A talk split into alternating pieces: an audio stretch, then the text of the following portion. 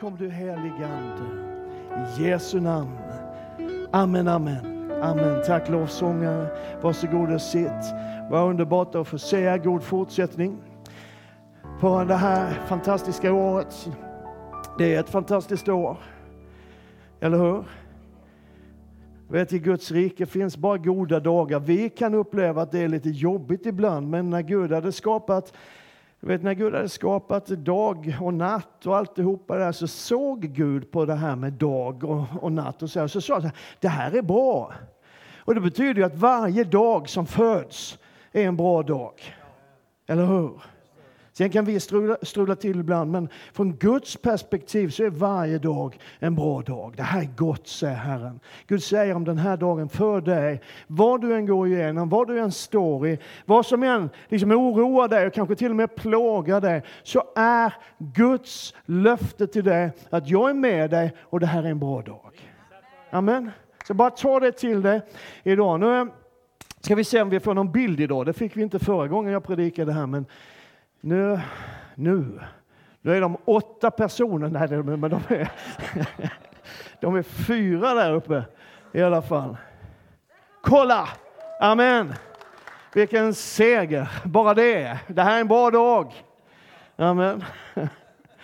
Ja, ni som, som, som eh, huvudpastor och församlingsföreståndare och allt vad, vad man nu kallar för, så är det, ju, är det ju så här att man alltid så här i ingången till ett nytt år så funderar man och ber över liksom, vad är det bästa sättet att komma in och kliva in i det här året rent predikomässigt. Liksom man, vill, man vill hitta det där temat, det här budskapet som på något sätt sätter tonen för året. Um, på tal om prestationsångest, eller vad det var du pratade om. Liksom det här som någonstans ändå förlöser en motivation och en framtidstro i församlingar. Och. Och, och ibland så, så lyckas man ha det här peptalket så man känner att alla liksom går från årets första gudstjänst med fjäderlätta steg och liksom lite grann ovanför marken. Så här. Och ibland så, så är det inte riktigt så. Eh, och var vi hamnar idag, det vet jag inte än. Men det får vi se. För att de, de, de här funderingarna och, och tankarna har naturligtvis liksom präglat de senaste veckorna för mig, inte minst mina bönestunder. Vart är vi på väg? Vad, vad ska vi tala om? Vad, vad ligger på Guds hjärta för församlingen? Jag har kommit fram till att jag vill tala om Jesus. och det tänker jag göra hela året, så det är inte så där revolutionerande i sig, men samtidigt är det ju det. Men, men lite mer specifikt så har jag väldigt tydligt faktiskt under de sista eh, dagarna och veckorna upplevt att, att vi ska tala om Guds rike. Ja, visst är det bra. Det är ju jättebra att tala om Guds rike. Ehm, du vet, vi lever ju i en tid som är utmanande. Den är utmanande för oss som församling och vi är inte den enda församling som står i utmaningar. Du behöver liksom bara slå upp dagen så inser du att det är många församlingar som lever med utmaningar på ekonomins område, och på andra områden. Och så där. Och, och vi upplever det lite tufft, lite var, så där, till mans ibland. Och så här, och det, det, är en tid som är orolig och folk undrar idag, vart, är, vart, är, vart är tillvaron på väg? Någonstans. Var är Sverige på väg? Var är världen på väg? Ska det vara så här? Och hur länge ska det vara så här? Och, och så säger Guds ord att vi har fått ett rike som inte kan skakas. Hebreerbrevets författare skriver det i tolfte kapitlet. När vi nu har fått ett rike som inte kan skakas, så låt oss vara tacksamma. Amen. Och Paulus säger, ja men vi har vårt medborgarskap i himlen. Vi är här och, och liksom det är rätt kul att vara här. Men vi har ett medborgarskap i ett rike som är större och som är starkare och som är stabilare än någonting annat i den här världen. Där det liksom inte spelar så stor roll ifall Riksbanken höjer eller sänker styrräntorna. Ifall det är Biden eller Trump eller helst någon annan som är president i USA. eller, eller vad det... Det blev väldigt politiskt, kände ni det? Det måste väl finnas någon... Nej, vi lämnar det. Vi lämnar det. Men när vi talar om Guds rike så handlar det om faktiskt varför Jesus kom och vad han vill att vi som församling ska leva i och vad vi ska göra här. Och jag har fastnat för någonting. Ursäkta mig. Det sitter fortfarande någon på mina luftrör, men, men eh, Gud är god. Det här är en bra dag. Jag fastnar för någonting som jag tror är superviktigt att vi förstår och får uppenbarelse om. Så därför har jag kallat den här predikoserien för Riket mitt ibland oss. Eller Riket inom oss, om en del bibelöversättningar eh, tar det sammanhanget som, som vi talar om lite grann. Och det finns en plan faktiskt, det finns ett syfte med att inleda året med att tala om det här. Om riket som är så annorlunda, om riket som bygger på helt andra principer än alla andra riken och som har ett helt annat tänk än alla andra riken på jorden och som har helt andra prioriteringar än vad vi har i den här världen. Därför att från och med februari någon gång tror jag det var, jag tittar på mina kära medarbetare som Visst var det från februari vi skulle börja predika om, från Apostlagärningarna? Ja, vi har sagt det så, sen brukar jag ändra på allting, men det blir så, tror jag. Eh, och vi har talat ganska mycket ur Apostlagärningarna, från Apostlagärningarna under de senaste åren. Här. Men då har vi mest talat om liksom den första församlingens gemenskap och försökt lära oss någonting av det här inbördes omsorgen och gemenskapen och att bygga någonting starkt tillsammans. Och nu så tänker vi lite mer att fundera på liksom uppdraget, när apostlagärningarna talar om församlingens uppdrag och det som församlingen gjorde utåt sett, när någon som ännu inte hade kommit till tro. Eh, och grejen är, tänker jag, tack snälla, tack. Grejen är att vi kommer nog inte riktigt att förstå vad det är liksom som den första församlingen uppfattade som sitt uppdrag om vi inte först har förstått vad Jesus menade när han talade om Guds rike. Så att jag kommer att ge en introduktion idag. Det kanske inte blir en sån här wow, nu är vi på gång predikan idag. Men jag tror att om det här får landa i ditt och mitt hjärta den här söndagen och de kommande söndagarna så kan det här bli en av de mest visionära predikningar som jag någonsin har hållit. Men den är kanske inte det idag, men den blir det. Är du med? Ja. Jag vill läsa ett par texter. Matteus evangeliets fjärde kapitel och vers 23 står så här. Jesus vandrade omkring i hela Galileen och han undervisade i deras synagogor och förkunnade evangeliet om riket och botade alla slags sjukdomar och krämpor bland folket.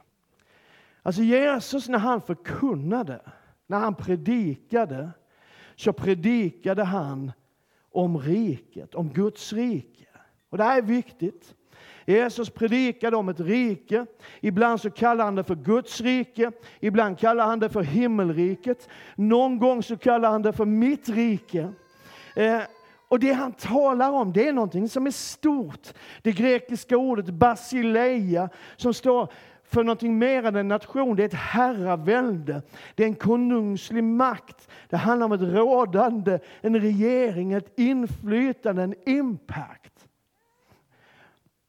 Och I Lukas 17 så står det så här. När Jesus blev tillfrågad av fariseerna om när Guds rike skulle komma svarade han, Guds rike kommer inte som man kan se det med ögonen. Ingen ska kunna säga, här är det eller där är det. Nej, Guds rike är mitt ibland er, eller inom er. Amen. Det här stora, det här revolutionerande, hur Gud genom sin son Jesus Kristus upprättar ett rike och skapar ett folk som inte begränsas av den här världens idéer om nationer och gränser och raser och folkslag har vi i kyrkan, tyvärr får jag säga, lite grann reducerat, förminskat. Så pass mycket faktiskt så att vi har tappat bort en del av vad evangeliet egentligen handlar om. En del av det jag vill säga idag och de kommande söndagarna är inspirerat av en bok som är skriven av teologen N.T. Wright. En del av er känner igen han, Ibland kallar han sig för Tom Wright. Det är när han skriver för vanligt folk. Eh, och sen så heter han N.T. Wright när han talar till teologer. Jag tror det är så. Eller också är det tvärtom. Det spelar ingen roll. Jag begriper inte det här ändå. Men han har skrivit en bok som heter How God Became King.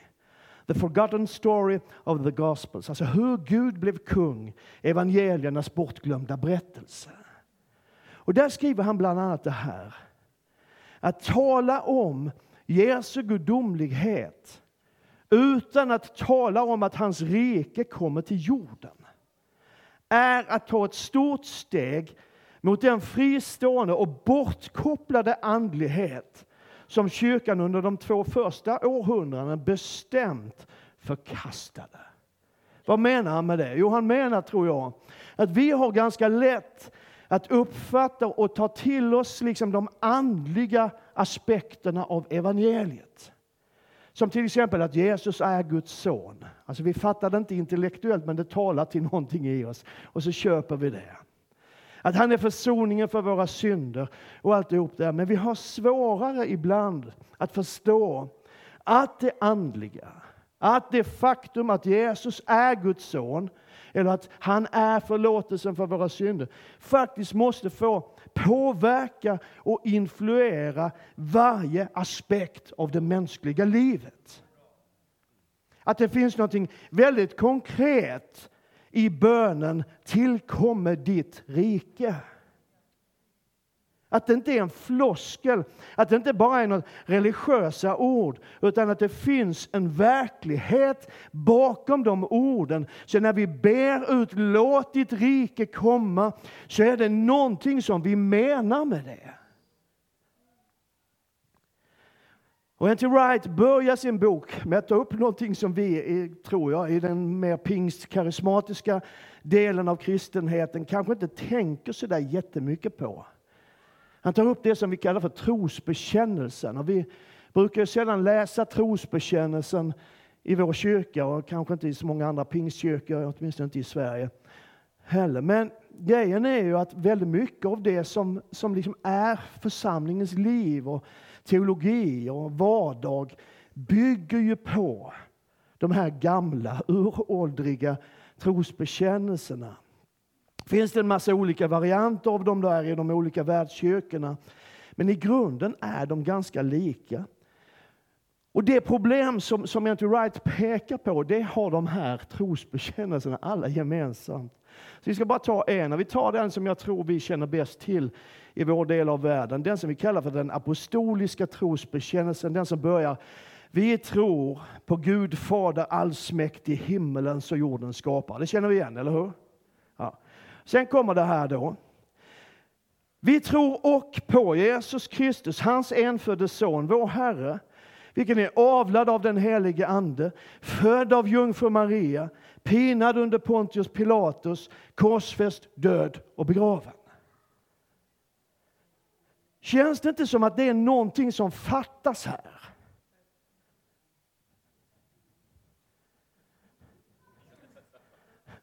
Ja, vi, vi har födelsen och vi har hans lidande och död och det fortsätter med uppståndelsen och allt det där, men vi kan stanna här ändå.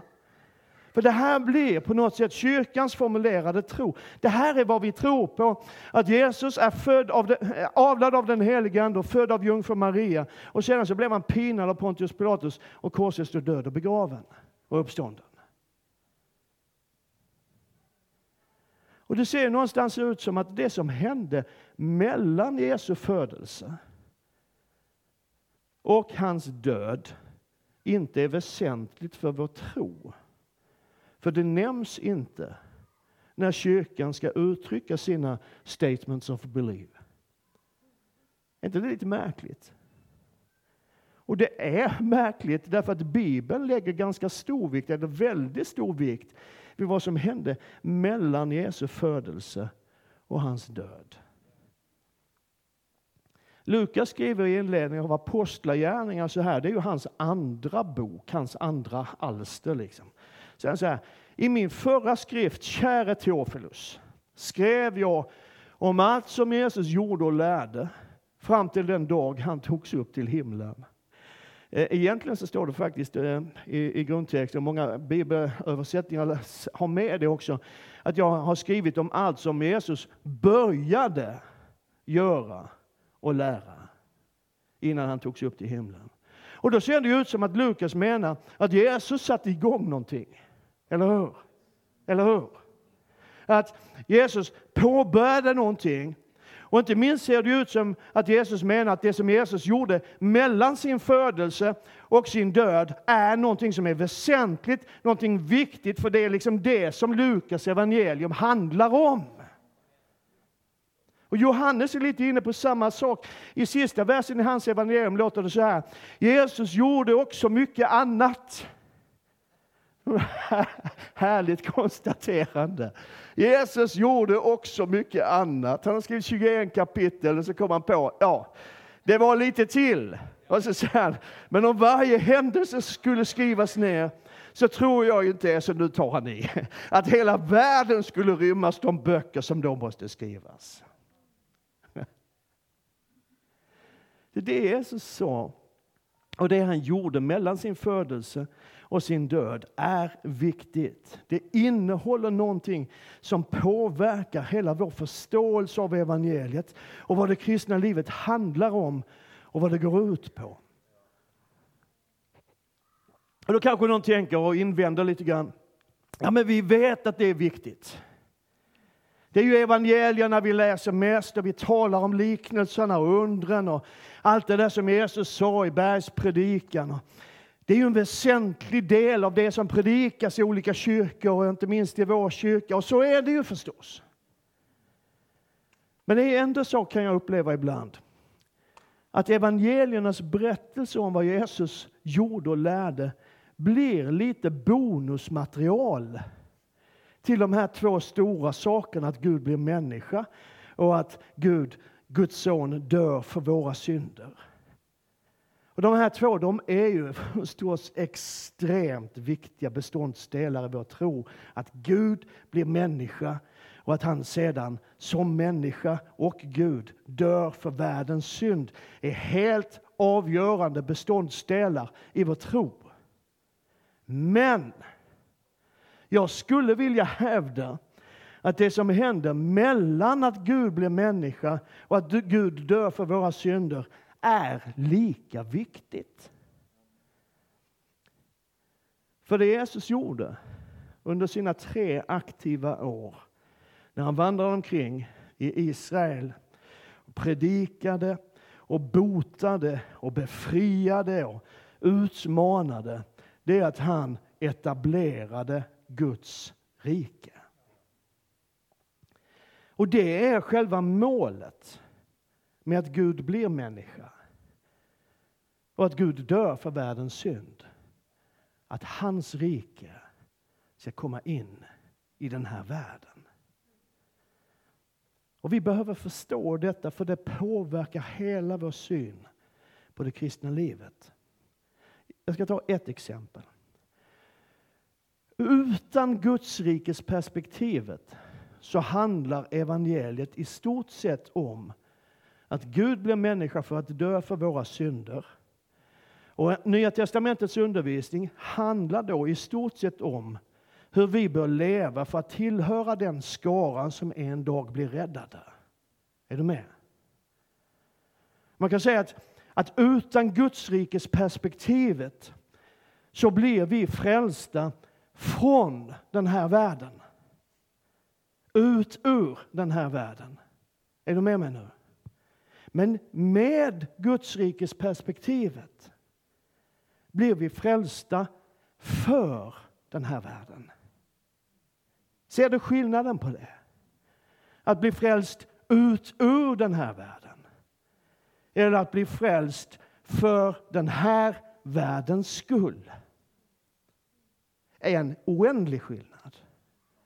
Därför att Gud har tänkt att expandera sitt rike i den här världen och låta sin härlighet återigen fylla den här världen så att allting än en gång blir precis som han tänkte när han skapade den här världen.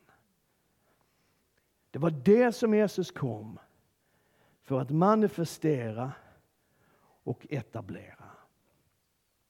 Och egentligen så är det ju inget nytt.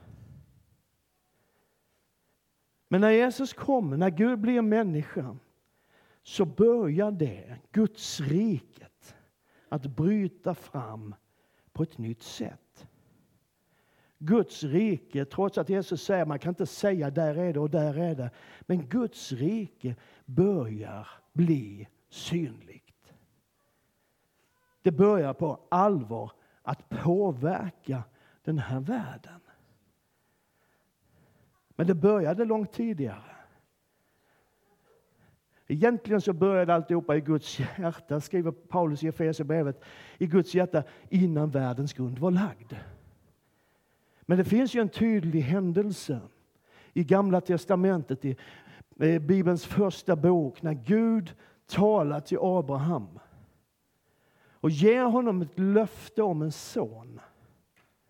Och så lovar Gud Abraham, som inte har någon son, att han ska bli stamfader till ett stort folk. Och så säger han också som en extra bonus att det är någonting väldigt stort som kommer att ske genom det folket. Och så säger Gud så här. I din avkomma ska jordens alla folk bli välsignade därför att du lyssnade till min röst. Vilket makalöst löfte att få. Du ska få en son. Av honom ska det bli ett stort, stort folk. Och i din avkomma ska varenda kotte på hela jorden bli välsignad. Och Paulus kommenterar det här och förklarar det här i Galaterbrevet och säger så här, nu gavs löftena till Abraham och hans avkomma. Det står inte och dina avkomlingar som när det gäller många, utan som när det gäller en enda och din avkomma som är Jesus Kristus. Wow! Så löftet som Abraham fick handlade inte bara om en löftesson för honom och hans fru Sara, sonen Isak, utan det handlar om en löftesson till hela världen. En välsignelse för jordens alla folk, Jesus Kristus. Så man kan säga att ett huvuduppdrag och ett huvudsyfte för det judiska folket som kom ur Abraham och Isak och vidare. Ett huvuduppdrag för det folket, för nationen Israel, var att Guds son, Messias, världens frälsare och Herre, skulle födas ur det folket. Wow! Och det judiska folket bar det löftet genom århundraden. I goda tider, men oftast i väldigt jobbiga tider. Vissa korta perioder av frihet och långa, långa perioder av slaveri och förnedring och förtvivlan så bar man det löftet och samtidigt så var denna lilla nation, detta lilla folk en bärare av den välsignelse som löftet innebär. Och man var det folk på jorden som bar med sig Guds närvaro och hans härlighet. Man var och man är Guds egendomsfolk. Det folk som Gud har utvalt. Man var, kan man nog säga, en försmak av det Guds rike som Jesus talade om och etablerade. Och låt mig nu säga det här, för det här är viktigt. Det pågår så mycket diskussioner och debatter och insändare hit och dit och artiklar i Dagen och andra tidningar. Låt mig få säga det här. Det här är vad jag står för. Och jag tror att det är vad vi vill stå för som församling. Att de löften som Gud gav till det folket står kvar. Men de har expanderat till en välsignelse för alla jordens folk. Och jag har sagt det här förut, men det är så viktigt så jag säger det igen. Att församlingen har inte ersatt egendomsfolket det judiska folket, utan församlingen är en fortsättning och en utvidgning av egendomsfolket. Vi har ympats in, säger Bibeln. Gud har bara ett folk. Och jag använder gärna den här bilden, jag har nog använt den förut, som Bibeln också ger oss. Om en rot som skjuter ett skott han sköt upp, säger adventsprofetian. Han sköt upp som en ringa telning, som ett rotskott ur förtorkad jord. Så det finns en rot. Och ur denna rot kommer ett träd. Och Jesus säger, jag är det sanna vinträdet. Och ni är grenarna. Amen. Så vi tror inte på ersättningsteologi, utan på fortsättningsteologi. Amen. Och grejen är att det här folket, det var liksom aldrig meningen att de skulle ha en mänsklig kung. Gud själv skulle vara deras kung. Det var hela grejen liksom.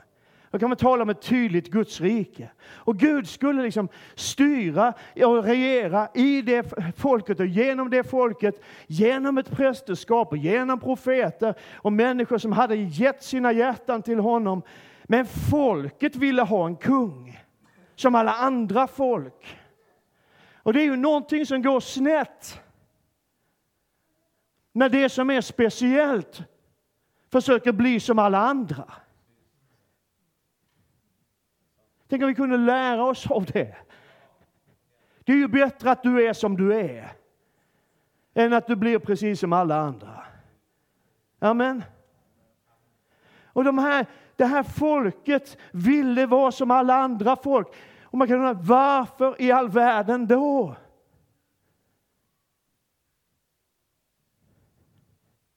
Så Gud lät dem få en kung och det blev inte särskilt bra, kan man säga milt uttryckt. Det var fler kungar. Om du läser i Gamla Testamentet, jag vet, ibland, så, ibland blir man trött när man läser Gamla Testamentet, kan vi vara ärliga och säga det? Den blev kung efter den och han gjorde vad ont var i Herrens ögon. Och sen så kom den och blev kung efter honom. Och han gjorde lite grann vad som var gott i Herrens ögon. Sen kom det en till som gjorde vad ont var i Herrens ögon. Och sen kom det en till som gjorde vad ont var i Herrens ögon. Det är fler kungar som gjorde vad ont var i Herrens ögon än det fåtal som gjorde vad som var gott i Guds ögon.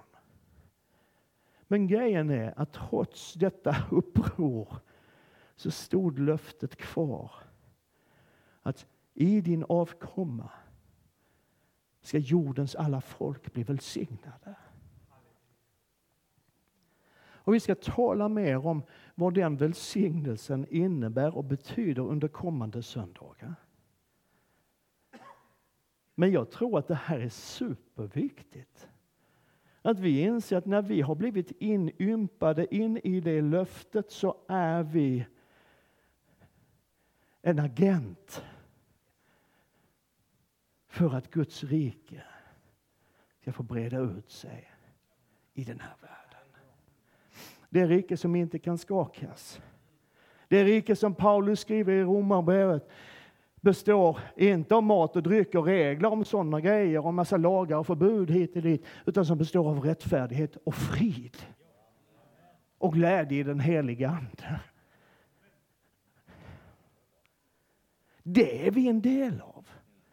Och när vi funderar på vad är församlingens uppdrag, liksom, vad, vad är vägen med församlingen, under 2024 och framåt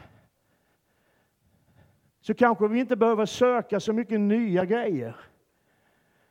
För det finns ju någonting som är alldeles utmärkt och som funkar och som, som har legat på Guds hjärta sedan innan världens grund var lagda, som fortsatt ligger på Guds hjärta. Och det är att hans rike ska få beröra den här världen.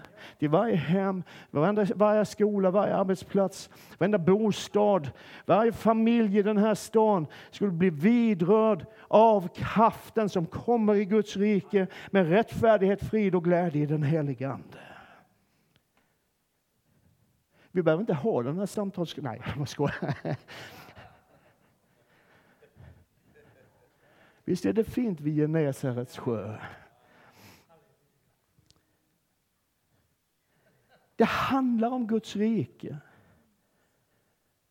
Och det ska vi tala om några söndagar. Och vi ska tala om hur någonting som hade gått förlorat kom tillbaka och började spridas i den här världen när Jesus kliver in. Vad var det som hade gått förlorat? Romarbrevet 3 säger att på grund av synden, på grund av människans ondska, som vi alla är en del av, alla har syndat, så hade vi förlorat härligheten från Gud. Det som skilde Guds folket från alla andra folk. Det var förlorat. Men Bibeln säger att den kom tillbaka med Jesus Kristus. Härligheten som var borta kom tillbaka med Jesus Kristus. Johannes skriver, ordet blev kött och bodde bland oss. Ordet som var Gud blev kött, människa, och bodde bland oss. Och vi såg hans härlighet.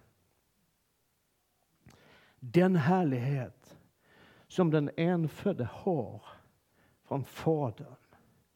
Och han var full av nåd och sanning. Wow. Och en dag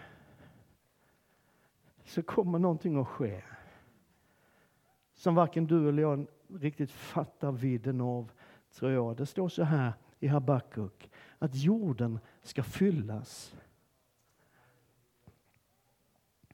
Jorden ska fyllas av kunskap om Herrens härlighet.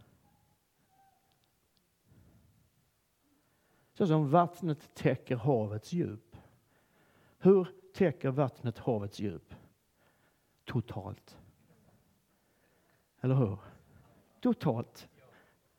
Jorden ska fyllas totalt av kunskap om Herrens härlighet. Det är vad Guds rike handlar om. Och det ska vi tala om mer nästa söndag. Nu ska vi be och sen ska vi fira nattvard. Så att ni som är lovsångare kan väl komma upp och göra er klara. Nu ska vi be. Jesus, jag tackar dig för ditt rike. Och herre, jag ber att du genom din heliga Ande ska upplysa våra hjärtan så att vi fattar vad det är du har kallat oss till. Och vad ditt rike handlar om. Hjälp oss att förstå, Herre, att dina planer är så oändligt mycket större än vad vi kan tänka ut eller ens be om. Kom över oss som församling.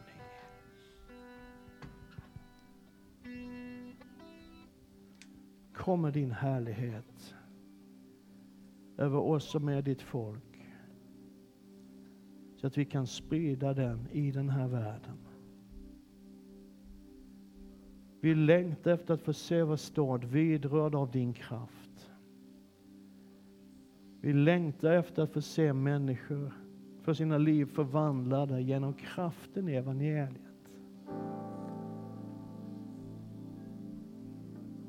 Vi längtar efter att få se familjer som har varit splittrade, sönderslagna, få komma samman igen i försoning därför att du är där och hela det allra trasigaste. Herre, vi längtar efter att få se de människor som är